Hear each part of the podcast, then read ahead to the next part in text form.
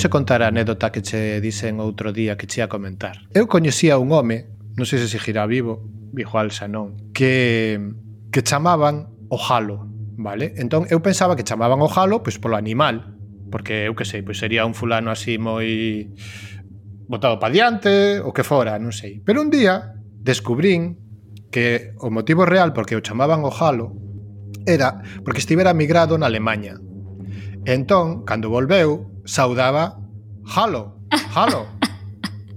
Xo vexo, gran. Entón, dai lle veu, dai lle veu o nome de o Halo.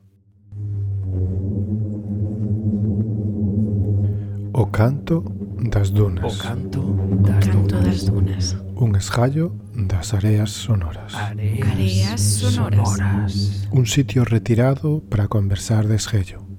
Un refuxio apenas un recanto calmo para paroladas sosegadas e conversas amáveis con persoas amigas. Mais olla, pode haber tormentas de area.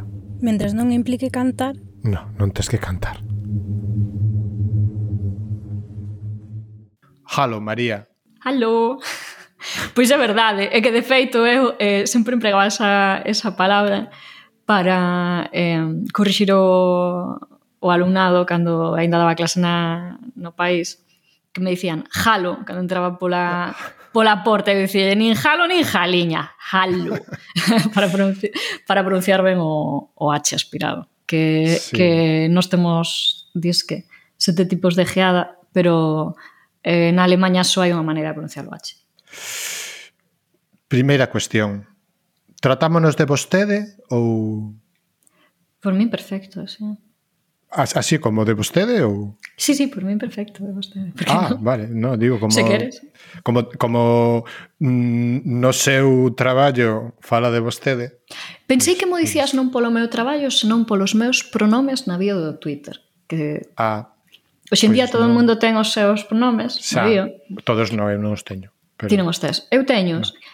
E, e a mí é curioso, porque en Alemanha o asunto dos pronomes pois é diferente, non? Cada idioma ten o seu, o seu propio sistema de pronomes que funciona de maneira diferente.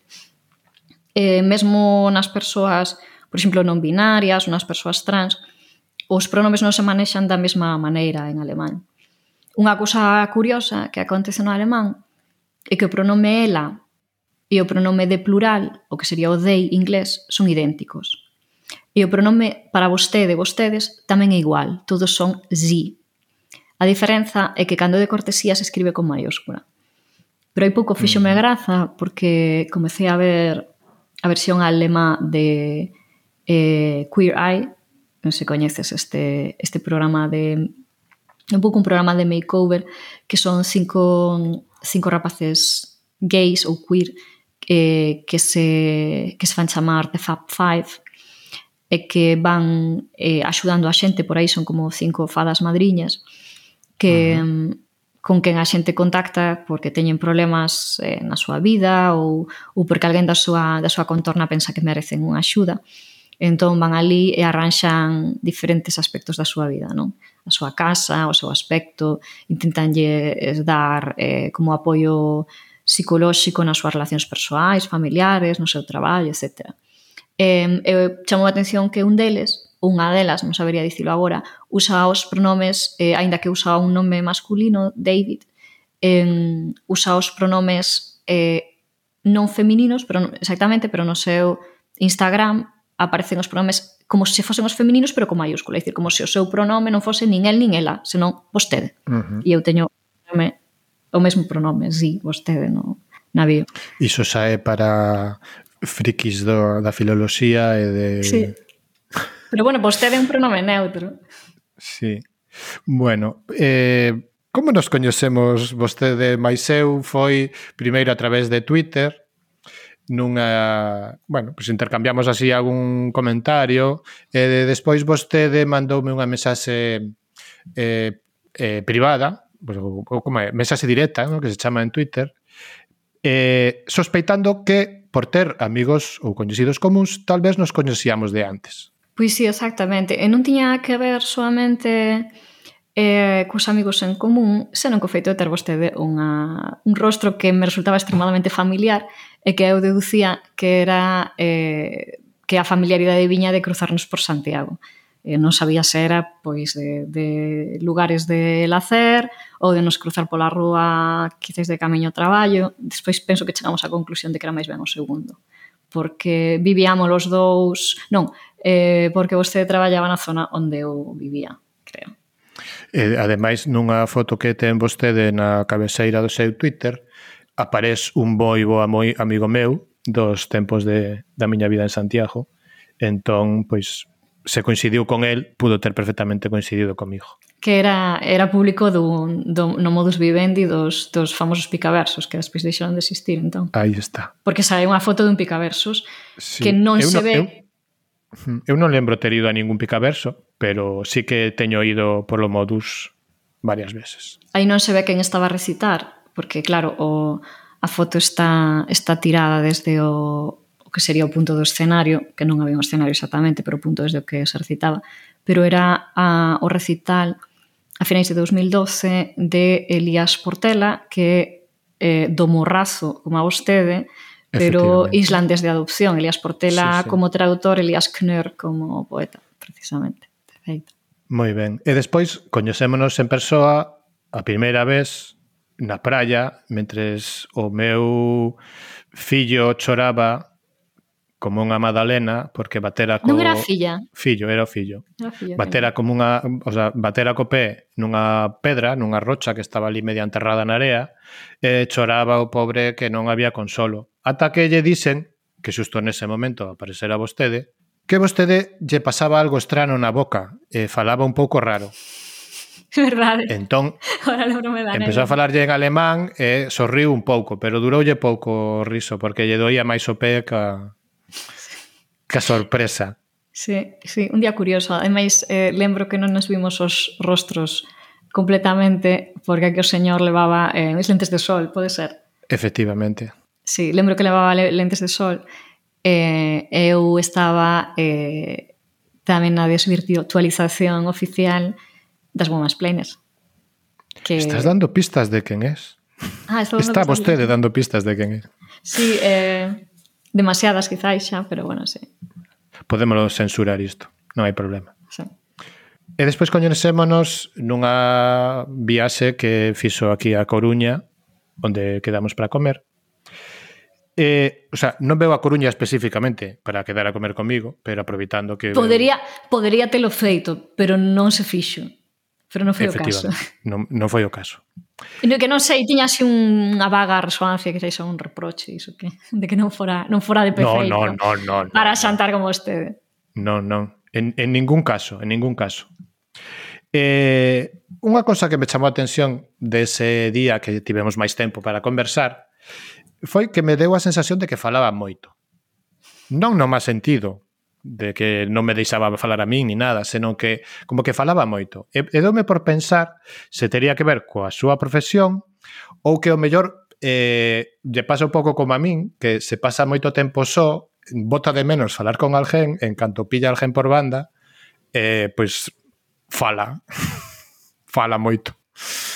Pois non exactamente. Eu penso que tiña que ver con que era... Bueno, primeiro, eu non creo que teña moito que ver coa miña profesión porque teóricamente debería ser o contrario. De feito, os días que traballo teño moi pouca gana de falar cando saio do traballo. Precisamente porque estou todo o día sometida a compañía de demasiados seres humanos que son moi ruidosos. Eu non dou unhas clases onde fale moito, senón que fago falar moito os rapaces. Em, porque, porque o que teño que facer eles, claro, eu o que teño que facer é escoitar e corrixir e tal Entón, cando, cando chego a casa, o que máis aprezo é o silencio. E non só non me gusta falar, senón que durante moito tempo, incluso cando comecei a, a ser profesora, spoiler tamén, eh, o que o que non me apetecía sequera era nin escoitar música. É dicir, eh, necesitaba na casa silencio absoluto. Eh, e dame incluso certa preguiza falar por teléfono en días de normal. Pero é verdade que as fins de semana, cando estou vacacións, o que estou como moi estimulada. Mm. Iso pasoume ese día que estaba de que ia a festa, a unha festa. Sí, además era un día, era un día especial que había aí... Sí. Entón estaba, com, supoño que moi estimulada por eh, estar quedando con diferentes persoas eh, e iso. E ademais como eh, o señor eh, Uxío eh, máis ben todo o contrario, bastante acougado e eh, pacífico, Pois, eu, eu, de, eh, eu de primeira son bastante reservado. Por iso. Eu primeiro observo e despois reacciono, en todo caso. Entón, hai eh, a timidez ten diferentes caras e unha delas pode ser a necesidade de encher o silencio con ruido por, por propia, pola propia timidez, é dicir, pola propia sensación de... Sí, ás veces por compensar... De inseguridade. Por compensar eh, falamos de máis por non quedar calados e non parecer eh, persoas acougadas. Sí, ou por non parecer antipáticos ou desinteresados, sí. quizáis. Canto máis confianza teño, creo, mm, máis me gusta estar simplemente caladas cuidando de outra persoa ou en silencio, non? Hai un par de días estaba cun amigo, por exemplo, sentada nun Sí, aquí sentada nun mirador mirando as estrelas en necesidade de, de, de moito ruido, non? Pero, pero para, iso, para facer iso hai que, hai que chegar a unha certa confianza con alguén. Uh -huh. Pois, eh, vostede máis eu temos unha cousa en común, máis ou menos, que é que normalmente nos votan menos anos dos que temos. Eu teño unha teoría. Bueno, no meu caso teño a miña teoría que, bueno, pois eu Dijamos que a mí me tiveron que sacar para nacer porque non daba saído. Eu teño a teoría de que mm, precisaba máis tempo de maduración, non? Entón, eh, para que eu cumpra un ano mm, biolóxico, ten que pasar un pouco máis dun ano de tempo. Entón, vou cada ano que pasa, vou restando meses a miña vida, o sea, a, me, a, a miña idade de algún xeito, e por iso aparento menos, non? mira ti en que, o sea, mire vostede en que en que perdo tempo eu teorizando, ¿no? Pero no seu caso teño outra teoría que está inspirada nun relato mm, breve que escribín hai moitos anos, eh, no que un barbeiro que tiña un cabelo maravilloso, no momento de xubilar ficou calvo. Eh, porque o vigor a, o vizoso do seu cabelo proviña de absorber a enerxía do cabelo que cortaba. Entón, como vostede trata diario con xente moi nova, teño teoría de que vostede absorbe a enerxía desa xente nova para manterse eh, mosa e aparentar menos idade da que ten. Pois é unha teoría espectacular e ten bastante sentido. Porque é verdade que eu unha cousa da que da que presumo bastante, non diante diante da, da mocidade, pero sí entre adultos é de que teño máis ansia eu que ao meu alumnado, de que eu chego polas mañás e que non son eles que, que tiran de min, que eh, que me provocan, que me poñen nerviosa, sino que son eu a que se move pola clase, a que, a que ás veces monta un pouco de barullo para, para que reaccionen, etc. Non? E sí que é certo que eh, é un traballo esgotador, eu ás veces teño a sensación de que os alumnos son como pequenos vampiros que che chuchan o sangue, pero non descarto que sexa eu quen yo chuche a eles. E ademais, Por iso non teñen enerxía. Non, e ademais hai outra cousa. O se che morde un vampiro, eh, roubache o sangue, pero tamén te convertes en inmortal e deixas de avellentar. pero penso que é moito máis moi sinxelo. Vostede que me coñeceu en persoa sabe que son unha muller bastante bastante miniatura, son como a miniatura dunha muller eh, feita a escala, non sei, 0,8, 0,7. Entón Entón eu penso que iso afecta un pouco tamén, sí. Claro, vostede consume menos enerxía, o ser máis pequena, e así pois que como se, oxídase menos. Entón, sí. pode ser unha boa teoría tamén. E teño unha menor pegada de carbono. Aí está. Porque preciso de menos recursos para sobrevivir. Moi ben. Eu, esta é unha pregunta que falamos así en privado, por iso se, se queres contestar, contesta, se non pide tormenta de area, como vostede queira que é sobre o amor a distancia, cando hai moitos quilómetros de distancia. Como se fai para manter unha relación así?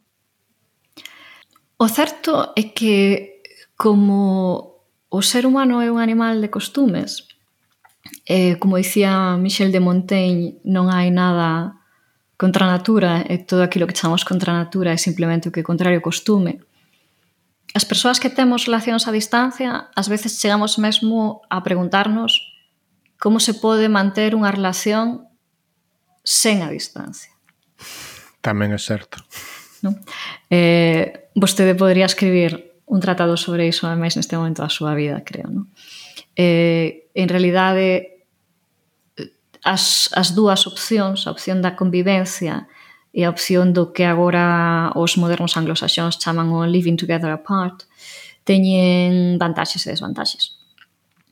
Eh, a, dista a relación a distancia ten unha ten unha característica que a fai máis feble ao comezo e máis forte despois. Que que unha relación que carece de inercias, normalmente. É dicir, unha relación de convivencia é unha relación por defecto. Unha relación onde outro está aí. Cando acordas, Cheo de rutinas, claro. cheo de sí, rutinas. Eh, pero hai unha presenza constante mm. da, do outro ou da outra. Cando unha acorda, a outra persoa está aí, na cama ou no cuarto do lado ou, ou facendo almorzo ou escoitamos como se ducha a través da, da porta ou da parede. Mais cando un vive a distancia, o outro é algo que ten que buscar e que ten que buscar constantemente É dicir, hai unha procura continua e un desexo continuo do outro. E no momento en que ese desexo e esa procura do outro, esa procura sen fin, digamos, no? ad eh, infinitum, eh, acaba, a relación acaba. Non hai a mesma... Por suposto que eu non falaría das rutinas, curiosamente, porque iso é algo que a xente di, di claro, porque non, non entrase máis rutinas. As relacións a distancia teñen teñen as, tamén teñen rutinas. Teñen un tipo de sí, rutinas bueno, diferentes. E, e, tal vez rutina non se esa palabra aceitada, senón o mellor... Fastío. Os, o, eh? Fastío, non sei. Sí, ou os, os hábitos eh, a inercia, o mellor. ¿no? A inercia dos hábitos diarios que se repiten sen sen que haxa Nada, que pois o que falaba vostede antes da enerxía, de que ten que espabilar os alumnos, non? Que o mellor ese hábito de sempre o mesmo, máis ou menos, sempre o mesmo, máis ou menos, que esa enerxía se vai o mellor desgastando e non se recarga con nada. Entón, o mellor nunha relación a distancia, cada vez que hai unha chamada ou unha visita, volve recargarse de algún xeito, quizá, tal vez, sí. non sei. Eu sinto, pero iso creo que tamén o sente a xente que vive coas súas parellas, pero sí que sinto moitas veces claro. esa sensación de que esa persoa que amo, que vive na distancia, cando nos reencontramos, em, non, non de cada vez, pero moitas veces teño esa sensación de, de que de volver a namorar, de namorar del, aínda que non deixar de estar namorada antes. Uh -huh e, e de sorprenderme, non? Sorprenderme da súa beleza, do seu atractivo, do seu sorriso, do, de outros aspectos máis privados, non? Da, da relación. E, sí que é certo que eu penso agora, por pensar como unha metáfora, mm, antigamente, cando a xente non tiña non tiña electrodomésticos ele, electrodomésticos tantos como a temos nós, non? E, para cociñar. E, e tiñan unha lareira ou unha cociña de ferro mesmo e non había tampouco calefacción nin estas cousas e cando a, a muller porque isto facía a dona na casa normalmente acordaba pola mañá o primeiro que facía o primeiro o primeriño que facía todas as mañás era acender o lume para que a casa estivera quente entón era unha era como un ritual que había que repetir cada mañá non? eh, se quedaba algo de, de mm, se quedaba algo de asco aínda pois avivala eh, ou se as cinzas estaban quentes pois eh, soprarlle un pouco cun folo co que for, botar madeira para que aquilo acendese non os que somos xa bueno, millennials, por así dicilo aínda tivemos esas, esas eh, cociñas na casa ou esas sí, lareiras sí. e sabemos como funcionaban entón eu penso que nas relacións de nas relacións a distancia hai algo así. E cando acordas polas mañás, tes que conscientemente ir a esa cociña e, e ver como está, e ver se, se a cinza ainda está quente, e ver se hai que botar leña, se hai que acender de novo, se hai que soplarlle, co fol. Mentres que se convives coa outra persoa, que eu tamén tiven pues, unha relación concreta bastante longa, non con onde convivía, mm, era máis doado. Era simplemente cando despertabas pola mañá, pois como darlle o botón da, da vitrocerámica. Do microondas. Ou do, do microondas, microondas ou da vitrocerámica. e, e a cousa estaba... Eh, estaba quente inmediatamente, podías quentala e arrefriar o momento. E pola contra, o outro é algo que mellor mm, non permitir que, que arrefríe, porque as cousas non son tan automáticas. Unha, unha metáfora moi fermosa, teño gracias. que dicir. Pois eh, ocorreusme agora grazas a vostede.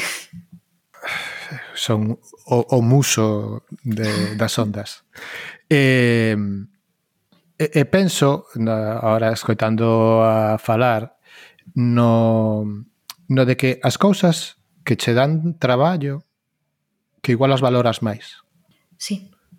E, e cando, cando non che custa facelo, pois non lle das aquela importancia. Eu lembro, cando era rapaz, eu prácticamente non necesitaba estudar.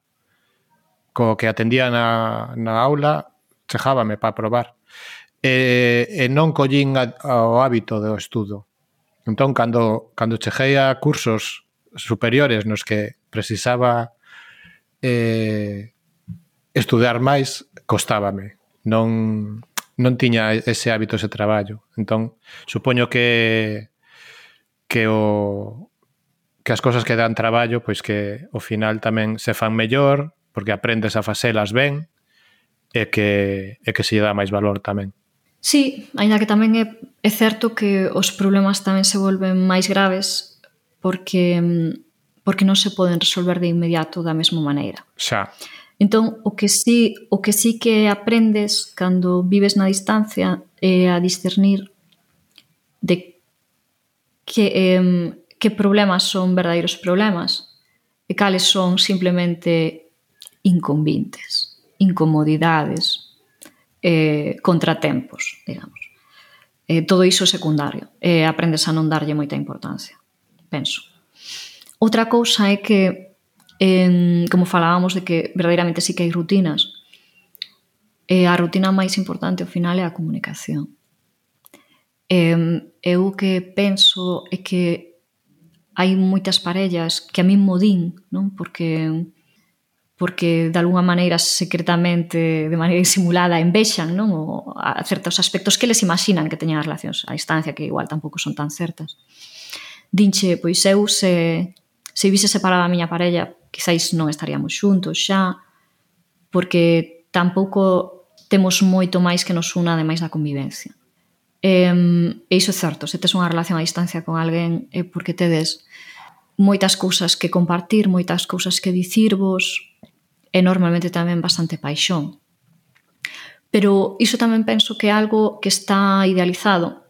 Penso que todo o mundo asume que cando tes unha relación a distancia que a paixón é algo que, que se acumula de alguna maneira, non? De maneira natural. E que cando te ves é como un volcán. Cando en realidade eu penso que é como, non sei como dicilo, por, por poñer tamén dúas metáforas, non? Que a xente imagina que cando alguén só se pode ver de cando en vez ese, ese encontro entre os amados é como un como unha, unha treboada, non? falando a propósito das tormentas de area, pois, unha treboada chea de los, moi espectacular, con moito ruido, con, con trebóns, con, con luz. Eh, Soan trompetas. Sí. Eh, e pola contra, en realidade unha relación a distancia tamén se pode converter en outra cousa. Pode comezar sendo algo que así como unha lostregada na noite e despois converterse se, se o fas ben, non? se construes algo sólido nun, pois como falábamos, pois dun lume que se acende todas as mañás, como un sol que sai pola mañá e se deita contigo pola noite.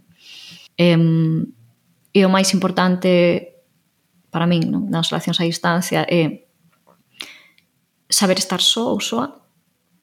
É dicir, eu penso, penso que as relacións a distancia non son para esas persoas que entran nunha relación porque non saben estar sós ou soas. Iso primeiro e despois que tampouco son para xente celosa. Se tes ciumes non, non vas estar a gusto. Tes que estar seguro, segura. E, e seguramente tampouco as a, dúas relacións a distancia iguais, igual claro. que non hai dúas relacións iguais. Claro, porque as distancias son tamén son transversais eh, e tamén se solapan, non? Está a distancia física que estamos falando e outras distancias. Ás veces hai distancias culturais, distancias idiomáticas, distancias económicas, distancias de idade, distancias vitais, noutros sentidos, de expectativas. É dicir, a distancia non é solamente unha magnitude eh, do espazo. E moitas veces esas distancias están convivindo xuntos no mesma casa. Claro. Sí, tamén dentro dentro dunha casa tamén pode haber grandes distancias, sí. Tamén pode aí, grandes distancias. Aí tocache tocalle reflexionar a vostede, creo. Está quedando un canto das dunas así bastante profundo. O canto das dunas. O canto das, o canto das dunas.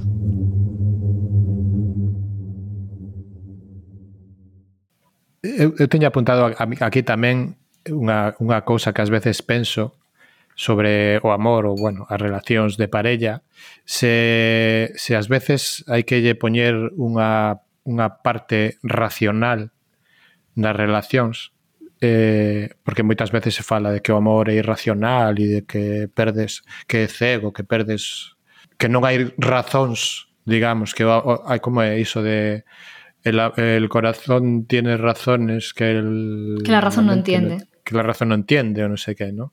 Como que é, é algo totalmente incontrolable de algún xeito, ¿no? Eh, eu a veces teño a sensación de que hai que poñer un pouco de razón tamén nas relacións, de ser consciente de por que queres alguén ou por que non o queres, ¿no? Eh, igual ás veces esas cosas se esquecen, non sei, igual estou trabucado, ¿no?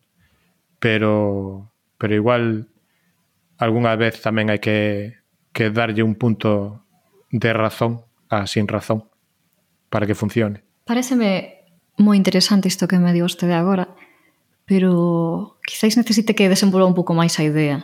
Refírese a que mm, cando temos unha relación de parella, que decir, cando xa estás namorado de alguén, que hai que reflexionar sobre os motivos dese amor eh, que nos levaron aí por se son, por dicirlo así, entre aspas, correctos ou se ese amor é positivo en outro sentido. Algo así, algo así. Sí, porque normalmente o primeiro impulso é irracional case sempre. No? O sea, bueno, irracional. Se supose que é química, ¿no? eh, pero sí, unha vez que levas un tempo, eh, pasa, digamos, esa fase de enamoramento así de tormenta, de lóstregos que comentaba vostede antes, igual hai que pensar se se hai algo máis que esa reacción química ou bioquímica ou que sexa e, e hai uns alicerces debaixo que sosteñan todo iso, non? Para que sexa duradeiro e non un mm, efímero ou efémero. Agora entendo. Claro, porque eu estaba un pouco confundida porque o amor non sempre é necesariamente algo que conduce a ter unha relación de parella. No, claro, claro. Idealmente sí, e outras veces non. E, e ás veces iso, as relacións son moi efémeras, entón este tipo de preguntas tampouco veñen moi a conto. Eu eh, paso por ser unha persoa moi racional entre a miña parella, os meus compañeiros, amigos, e, e por iso tamén moitas veces me, me piden opinión sobre certas cousas, pero o certo é que sendo unha persoa moi moi racional, as decisións máis importantes da miña vida as tomo de maneira visceral. Vostede sabe, por exemplo, que acabo de mercar unha casa.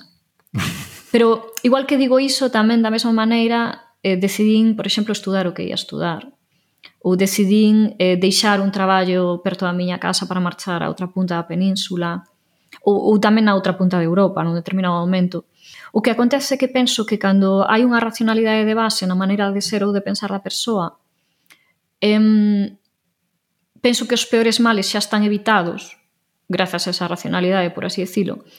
Entón que nos momentos decisivos non se pode deixar levar polo corazón e polo estómago e, e por outras partes do corpo que non, non é estritamente necesario nomear sen necesidade de facer tantas preguntas.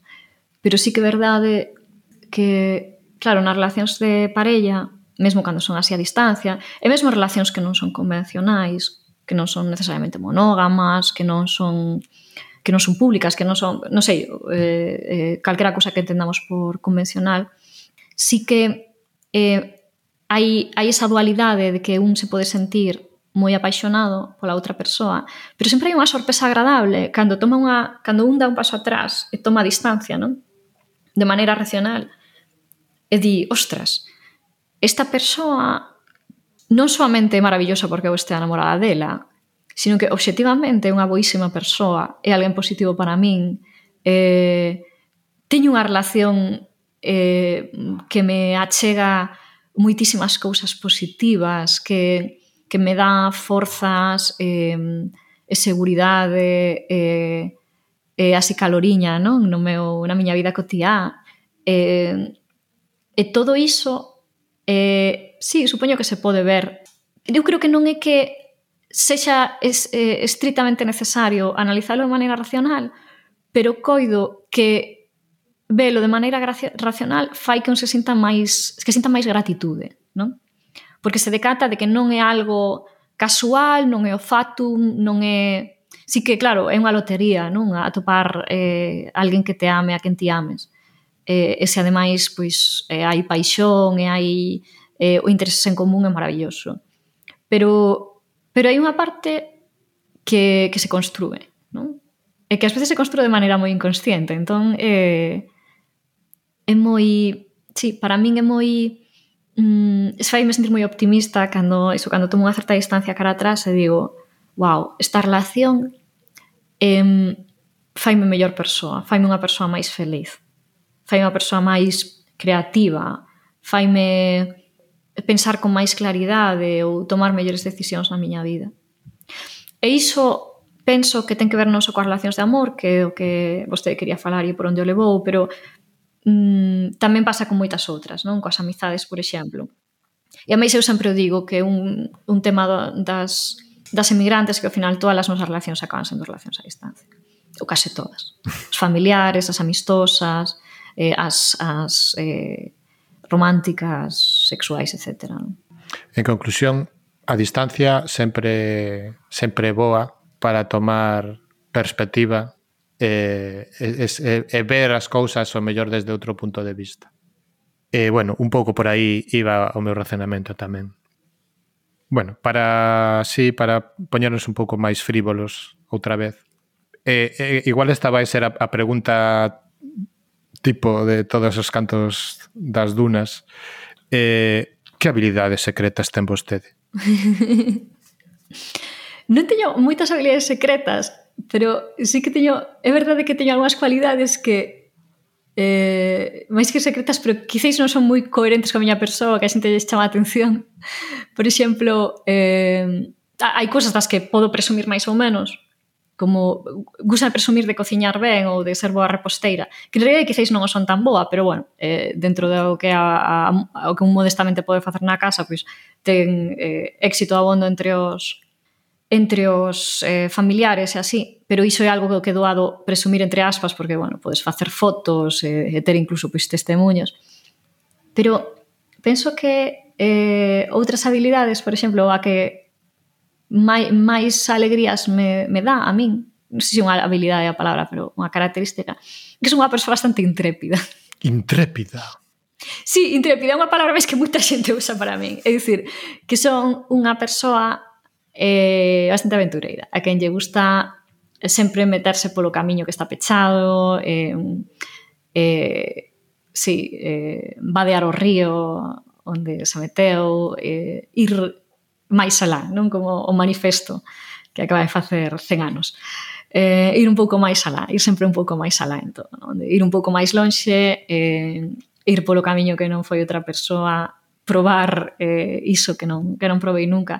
Entón, sí, son unha, bastante, unha persoa bastante intrépida, bastante aventureira, ou bastante experimental, eh, E iso é unha característica que non, non é algo do que vayas presumir a diario, porque é algo que despois a xente pode constatar máis ou menos con sorpresa cando convive contigo ou cando fai pois, viaxes contigo ou excursións ou, ou cando te coñece un pouco máis. Pero sí, creo que, que é unha persoa moi intrépida. E por seguir así un pouco con preguntas mm, raras, como se pronuncia realmente Schwarzenegger?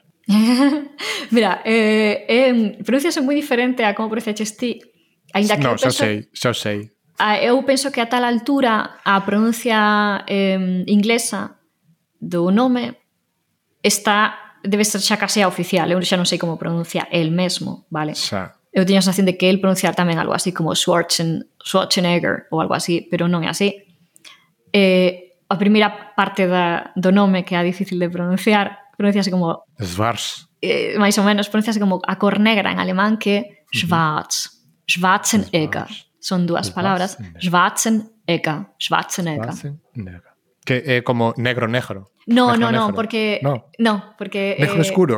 No, no, no, non sei que o, non, porque a palabra non corta aí, o N é da primeira parte, non da Ah, Schwarzen é a primeira parte. Schwarzenegger. Creo que así Schwarzenegger. Yeah. Creo que se pronuncia así. Mm. De feito, yeah, por curiosidade, vou ver como se hai algunha eh, sí, eh, De feito, por exemplo, na Wikipedia española está, xa che confirmo que está mal eh, mal transcrito porque hai aquí un un E longo onde en realidade o E breve. Eh, vamos a ver na Wikipedia alemá. Espera un momento. Que estou buscando a ver se hai algunha transcripción exacta dun... Bueno, aquí podes ver que esta rapaza pronuncia igual que a min facendo Schwarzenegger. Facendo o corte despois do N pero a palabra ECA, non sei o que significa, van a buscar. Ese simplemente un deses eh, fósiles lingüísticos que hai en, que hai ás veces nos, nos nomes que, que non, non existen xa como palabras. Pois eh, eh, o ECA non aparece como palabra como tal no, no dicionario, pero bueno, ten que ver co verbo eken, que é, é, é pasar o angazo, vamos, pola terra. Entón, sí, é un, como un labor relacionado co, coa labranza.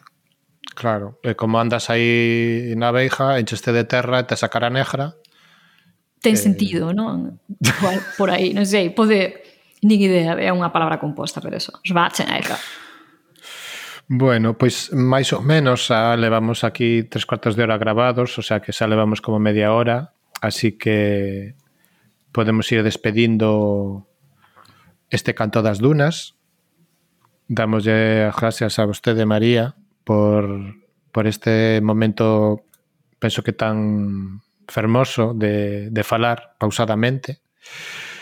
Os que estades a escoitar isto, os que están a escoitar isto, lembre, lembren que só se escoita por suscripción no newsletter ou no RSS e se lles gusta o que escoitan, fajan favor de recomendalo para chegar a canta máis xente mellor. É un experimento sociolóxico podcasteiro. E nada máis. Abrazos e beixiños e cariños sen ter fin. O canto das dunas. O canto das, o canto das dunas.